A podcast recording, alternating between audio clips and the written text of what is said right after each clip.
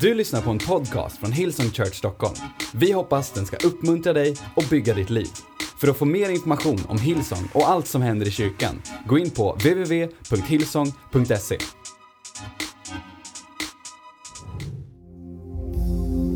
Jag älskar den här sången för. And say there is no other name. Vi har sjungit den här sången många gånger och ibland så har jag tänkt mig, vilka är vi som sjunger there is no other name? Vilka är vi som sjunger att det finns inget annat namn än Jesus? Och, och ibland när jag har sjungit det så har jag funderat på, är det verkligen, är det verkligen sant i mitt liv? That there is no other name. Är, är, det, är det verkligen sant i, i, i mitt liv att det finns inget annat namn än Jesus? För jag menar, i vissa dagar så är äh, frustration större än namnet Jesus i mitt liv. Vissa namn så är, är vissa dagar så är, är rådlöshet, jag inte vet vad jag ska göra, vilka beslut som ska fattas. Vissa dagar så är hopplöshet större än namnet Jesus. När det känns som att jag gör allt jag kan och försöker göra allting rätt men inte får det resultat som, som jag hade velat eller som jag hade bett om. Jag, jag tror att vi, det finns en kraft i att verkligen hamna på en plats där vi kan säga there is no other name. Men här är vad jag upptäckt att ibland så är det inte förrän allting har skalats bort ifrån mig som jag verkligen kan säga there is no other name. Och Jobb är personen i, är person i gamla testamentet.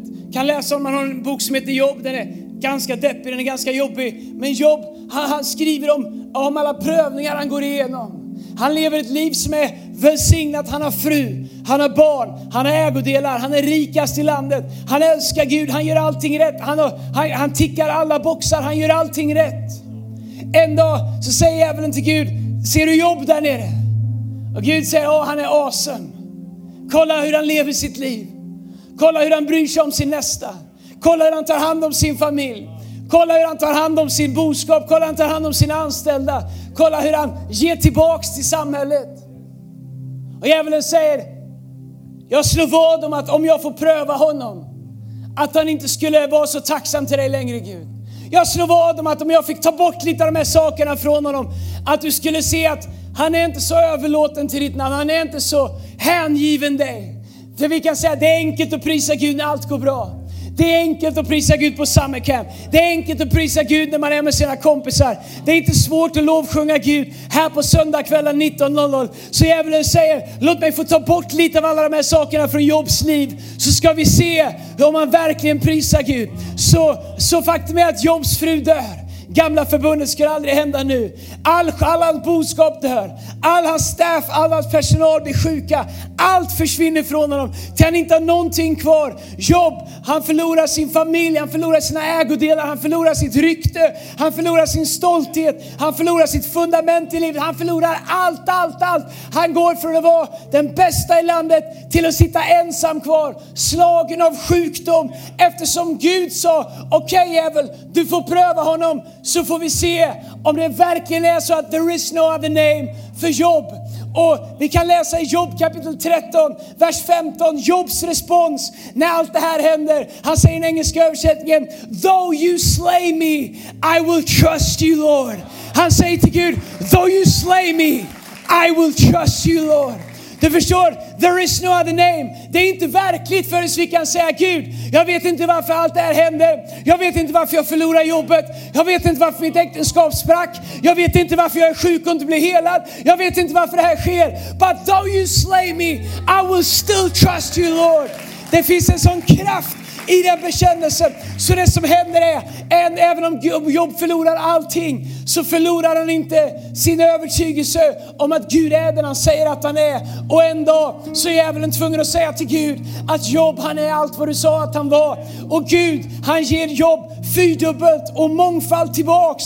Allt som han hade förlorat. Han välsignar honom så mycket mer än vad han någonsin har haft. Gud upprättar honom, han återupprättar honom. Men vet du vad? Jobb han säger fortfarande när allting har skett, fast han har hållit fast i Gud. När han har gått igenom en sån prövning, när omgivningen sa till hans vänner sa, Jobb sluta bekänn Gud. Hans vänner sa, vart är din Gud nu? Det är ungefär som när du säger jag tror på Gud. Alla kan se att du går igenom ett helvete. Dina vänner säger, ska du fortfarande gå till kyrkan? Ska du fortfarande gå till connect-grupp? Ska du fortfarande lyfta dina händer? Fast du inte fick det där jobbet. Ska du fortfarande lyfta dina händer i lovsång fast din relation inte höll? Ska du fortfarande lyfta dina händer fast du fick restskatt som förstörde din ekonomi? Ska du fortfarande lyfta dina händer fast du har bett om helande i fem år och fortfarande, ska du fortfarande lyfta? Så jobbsvänner säger, Jobb lägg ner, det håller inte, det är inte sant. Inse fakta, inse sanningen. Men Job han säger, though you slay me, I will trust you. Though you slay me, I will trust you. Though you slay me, I will trust you. Och när Gud har tagit honom igenom till andra sidan och välsignat honom igen så säger, Gud, så säger Job, samma person som aldrig gav upp på Gud som sa though you slay me I will trust you. Han säger till Gud i Job kapitel 42 säger han, så säger han så här, innan Gud hade jag bara hört talas om dig. Men nu har jag sett dig med egna ögon. När vi måste förstå att den som säger det här är den som höll fast. Samma person som sa though you slay me I will trust you. Han säger Gud, jag hade bara hört om det. Jobb kunde hålla fast fast han säger Gud, jag kände det inte. Jag hade bara hört talas om dig. Jag trodde det jag hörde. Han höll fast det, han gjorde rätt. Men han säger, han säger engelska översätt, äh, äh, svenska översättning säger endast hörsägner.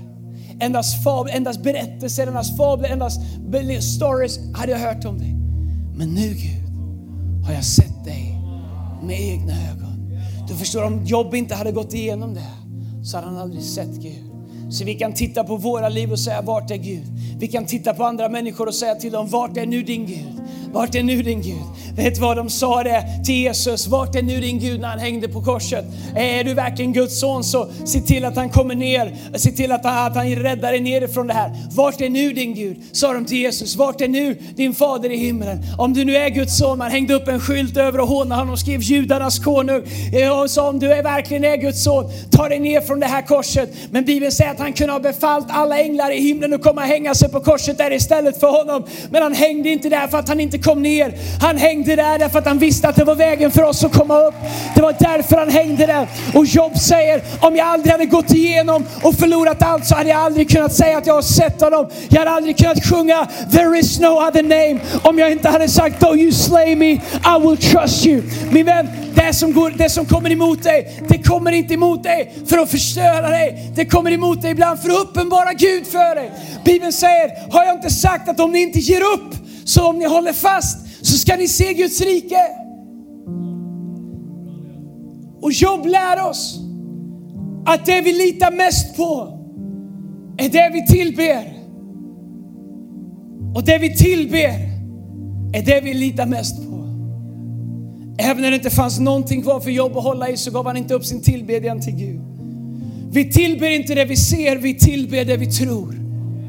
Det är därför när allting som vi ser, även om det försvinner, så förändrar det inte våran tillbedjan. Därför att vi tillber inte det vi ser, vi tillber det vi tror. Vi tillber inte effekten av Gud, vi tillber ansiktet av Gud, vi tillber hans majestät, hans härlighet, hans värdighet, vem han är. Vi tillber inte det vi ser, vi tillber det vi tror. Min tillbedjan tillhör inte mina omständigheter. Min tillbedjan tillhör inte mina preferenser. Min tillbedjan tillhör inte min situation. Min tillbedjan tillhör inte mina omständigheter. Min tillbedjan tillhör inte mina bönesvar. Min tillbedjan tillhör honom som kunde ha bett en ängel hänga sig på korset, men som valde att stanna kvar för att han visste att det var enda vägen för mig. Jag tillber inte på grund av mina motgångar. Jag tillber inte när mina motgångar är borta. Jag tillber genom alla motgångar. Därför att jag vet att han som är, han som säger att han är alfa och omega, han är i början och slutet. Han är där i början, han är där när jag går igenom det och han kommer vara där när jag går ut ur det. Men en sak som inte kommer förändras, det är min tillbedjan.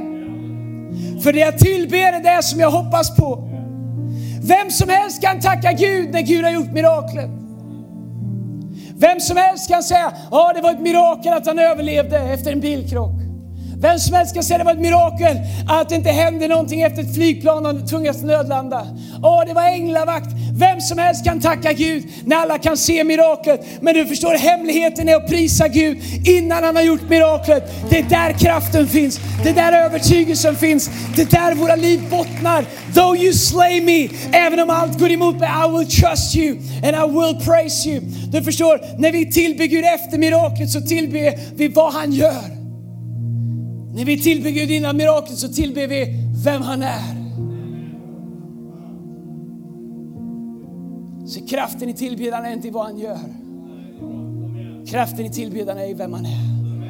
Det innebär att vi kan tillbeda honom lika mycket innan miraklet som efter miraklet. Vi väntar inte på att stenen ska, ska flyttas innan vi tackar honom för uppståndelse. Du förstår, Gud han gör saker på sina sätt. På första dagen så dog han, på andra dagen så hände ingenting, på tredje dagen så uppstod han. Vem som helst kan prisa Gud när man ser att han är uppstånden. Men Bibeln har sagt att vi är de som tillber honom även på första dagen. När Lazarus dog så var han sjuk på första dagen. Han dog på första dagen, han var död andra dagen, han var död tredje dagen. Jesus kom fjärde dagen. Alla grät, alla grät, alla grät. Maria sprang honom till mötes och sa, varför har det tagit fyra dagar för dig att komma? Och Jesus säger, jag sa ju att denna sjukdom inte ska leda till döden. Och när Jesus väckte upp Lazarus från döda så står det att alla prisade Gud. Men jag är övertygad om att Gud letar efter människor som är beredda att prisa honom på första dagen, fyra dagar innan. Vi är inte fjärdedagsprisare, vi är första dagsprisare. Du kanske precis har förlorat ditt jobb, men du behöver inte vänta på ett nytt jobb innan du tackar för att han är din försörjare. Du kanske precis har fått en diagnos, men du behöver inte vänta på helande innan du tackar honom. Därför att du kan prisa honom på första dagen. Du kan prisa honom när motgång kom. Du kan prisa honom när din flickvän gjorde slut. Du kan prisa honom när du fick sparken. Du kan prisa honom när du inte fick det huset du ville ha. Du kan prisa honom när du sålde din lägenhet med förlust. Du behöver inte vänta på ett mirakel. Vi är inte fjärdedagsprisare som prisade alla andra kan se. Vi är första dagsprisare när det inte syns ett tecken, när ingen tror att det ska ske, när alla säger att det inte går. Vi är de som prisar honom innan miraklet sker.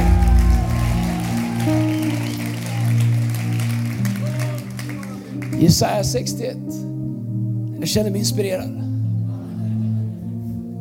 Vers 3 så säger, Gud ett löfte. Det här är från samma ställe som Jesus citerar när han reser sig upp i templet och startar sin offentliga tjänst. Guds löfte till oss står säger så här 61.3 att Gud har lovat att ge de sörjande i Sion skönhet istället för aska. Glädjens olja istället för sorg. Lovsångsdräkt istället för modfällande. Och de ska kallas rättfärdighetens terebinter, planterade av Herren till hans förhärligande. Så den, här, den, här, så, den här texten säger inte att det inte kommer vara aska. Han säger att han kommer ge oss skönhet istället för aska.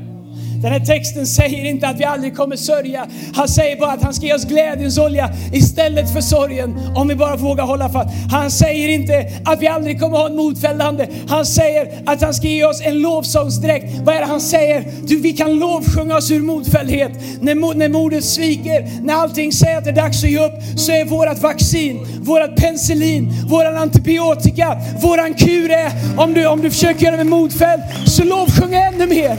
När all statistik säger att det här inte går, så är mitt svar lovsång. När diagnosen säger att det inte går, då är mitt svar lovsång. När mina kompisar lämnar mig, när jag mobbar i skolan, så är mitt svar lovsång. Han säger, He will give you beauty for ashes.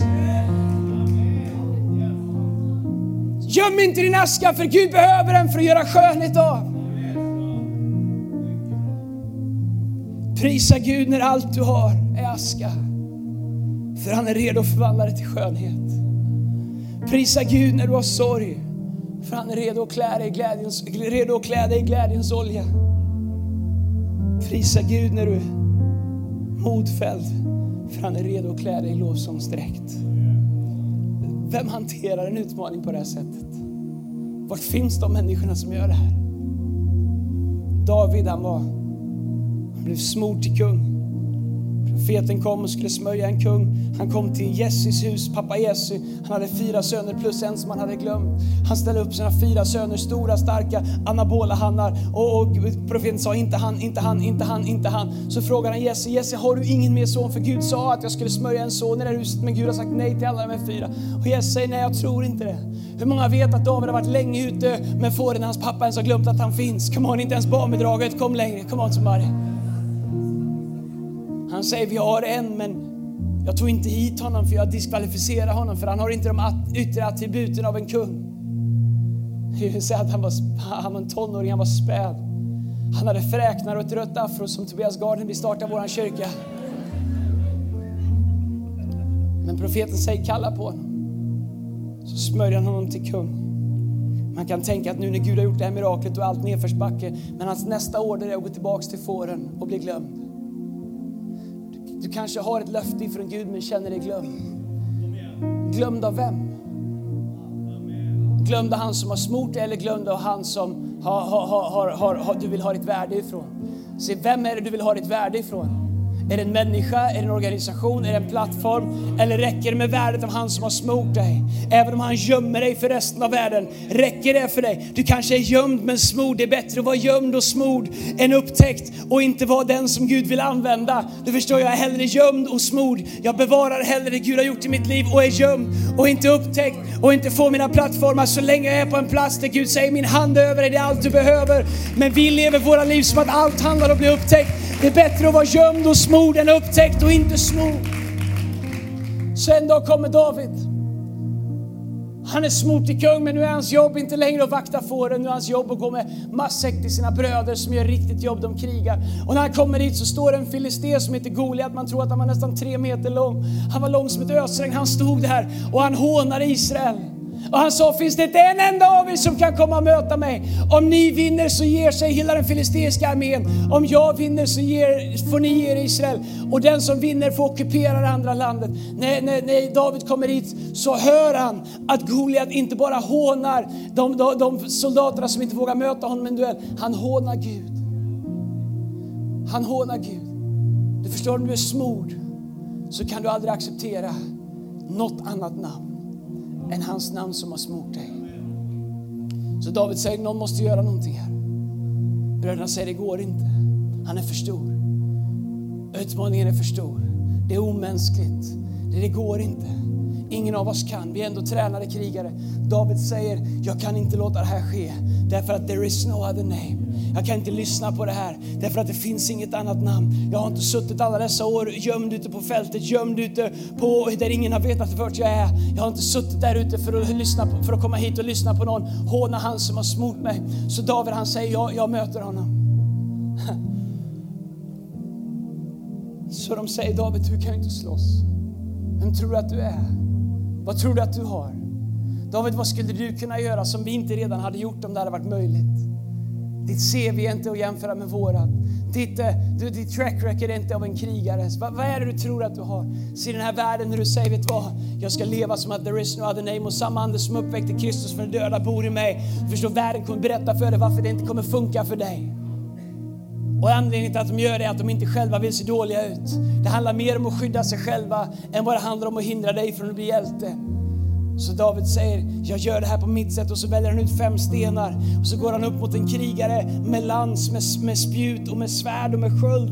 Som är, han är fostrad, han är skapad, han är avlad för det här, det här är allt han kan. Han är en krigare ut i fingerspetsarna och när Goliat ser David så gör han det största misstaget. Han undervärderar var David har varit. Han tänker bara på det han ser. Så det är det som är skillnaden på någon som har varit med Gud och någon som inte har varit med Gud. Har du inte varit med Gud så tänker du bara på vad du ser. Du utgår bara från vad du ser. Bibeln säger att människors ögon ser en sak men Gud ser till hjärtat, Gud ser någonting helt annat. Så Goliat säger till David, du, du, du, jag kommer emot dig med svärd och lans. Jag kommer emot dig som en krigare och du kommer emot mig med någon liten slunga här. Tror att det här är någon slags rosornas krig, någon slags, någon slags låtsaslek där vi står och vevar slungor på varandra. Och Goliat säger, jag kommer emot dig med svärd och lans. Han säger, jag kommer emot dig med det som är på riktigt, det som går att ta på, det som går att se. Det är så vi resonerar nu för tiden. Om inte jag kan ta på det, vart är Gud? Om inte jag kan förstå det, om det inte är på riktigt, om det inte finns, om det inte går att kvantificera, om det inte går att recensera i tidningarna, om det inte går att ta på, då är det inte på riktigt. Det här med Gud, det här med smörjelse, det här med Gud, vad är ens det för någonting? Goliat säger, jag kommer emot dig med något som är på riktigt, för det går att ta på. Du kommer emot mig med något som jag inte vet vad det är. Men du förstår, David han är annorlunda. David han säger, du kommer emot mig med svärd och lans. Men jag kommer emot dig i Herren Sebaots namn. Du förstår, Goliat refererar till vad han håller i sin hand. David refererar till vart han har varit. David säger, jag kommer emot dig i hans namn som jag har varit med. Vad är det David har gjort? Åh, det här är för bra, jag har inte tid att predika. David han säger, you know what? Du har övat på ditt svärd, but I have practiced his presence.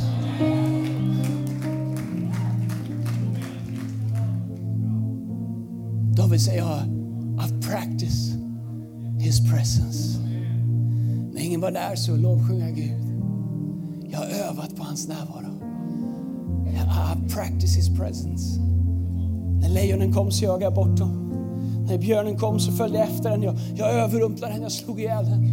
Ah, ah, ah, du, Goliat, du förstår inte, du, du kommer emot med det du kan ta på. Du har övat dig med ett svärd. Men du förstår, jag har övat mig på hans närvaro.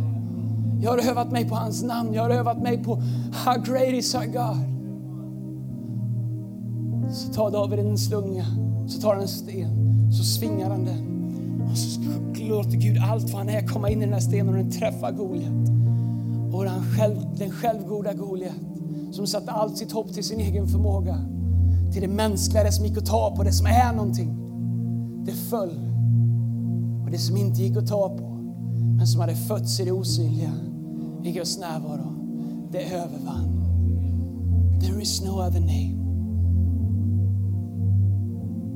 Habakuk, han prisar Gud innan Gud har gjort vad han lovade. Habakuk han bara prisar Gud. Han säger inget har skett än, men låt mig bara, let's take a praise break. Habakuk han väntar inte på någonting. Han säger, but first let me praise. Och så gör Gud vad Gud har sagt. När vi prisar Gud efter miraklet prisar vi vad han har gjort. När vi prisar Gud innan mirakel så prisar vi vem han är. Petrus han säger, innan Jesus har blivit förhärligad så säger Petrus, du är Messias. Förstår att Jesus han var inte Messias för han har dött och uppstått. Han säger, men Petrus har förstått det, så Petrus han säger innan det sker. Han säger, du är Messias. Jag säger, vem säger de att jag är? Det säger profeten Johannes. Det säger att du är Elisa, Elia. Men Petrus, vem säger du att jag är? Petrus säger, du är Messias, den levande Gudens son. Så det finns människor som har bestämt sig för att kalla på någonting som inte finns som om det redan fanns innan. Romarbrevet 4 och 17 säger, ah, ah, ah, talar om att, eh, om, om, och, och, säger om Abraham att han räknade som rättfärdig för han kallade på saker som inte fanns innan de fanns. Han kallade sig pappa när han fortfarande inte hade fått några barn. Han kallade sig fader till nationerna när, när, det var, när han var 100 år och han inte kunde få barn. Ah, ah, han gick ut och räknade stjärnorna och sa till Sara, så många stjärnor som det är, så många barn ska vi få. Och Gud säger att Abraham kallade på det som inte fanns som om det fanns. Vad är det han gör? Han prisar Gud innan det sker. Han prisar inte Gud för vad han har gjort, han prisar Gud för vem han är.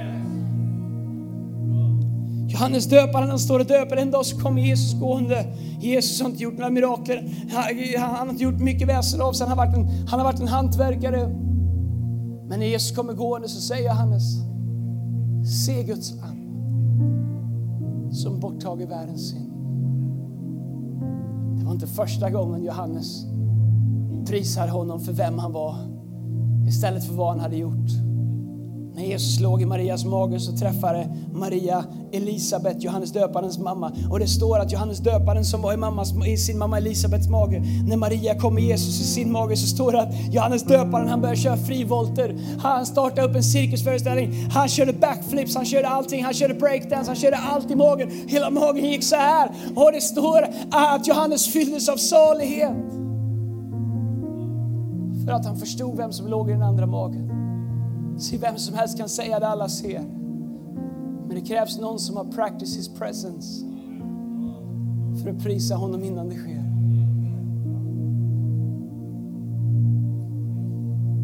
De deklarerade, Petrus, Johannes döparen, vem Gud var innan han var förhärligad. Som David gjorde när han var i Guds närvaro. Jag undrar om du är här idag, oavsett vad du går igenom, som är beredd att säga som Job, though you slay me, I will trust you Lord. Jag undrar om du är här idag som är beredd att, som David, kanske känner du dig gömd i livet, glömd i livet.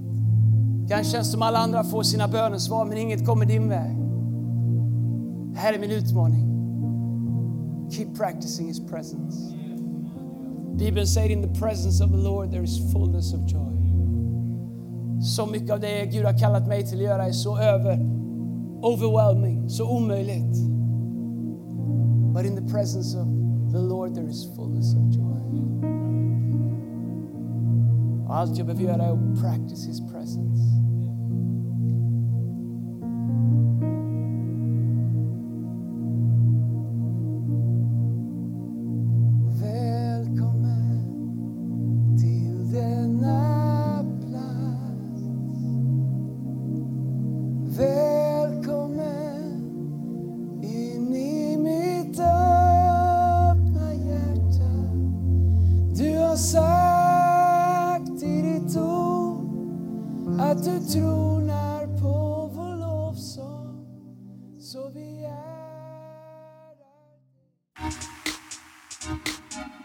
Du har lyssnat till en podcast från Hillsong Church Stockholm. Om du vill veta mer om vår kyrka eller om våra söndagsmöten, surfa in på www.hillsong.se.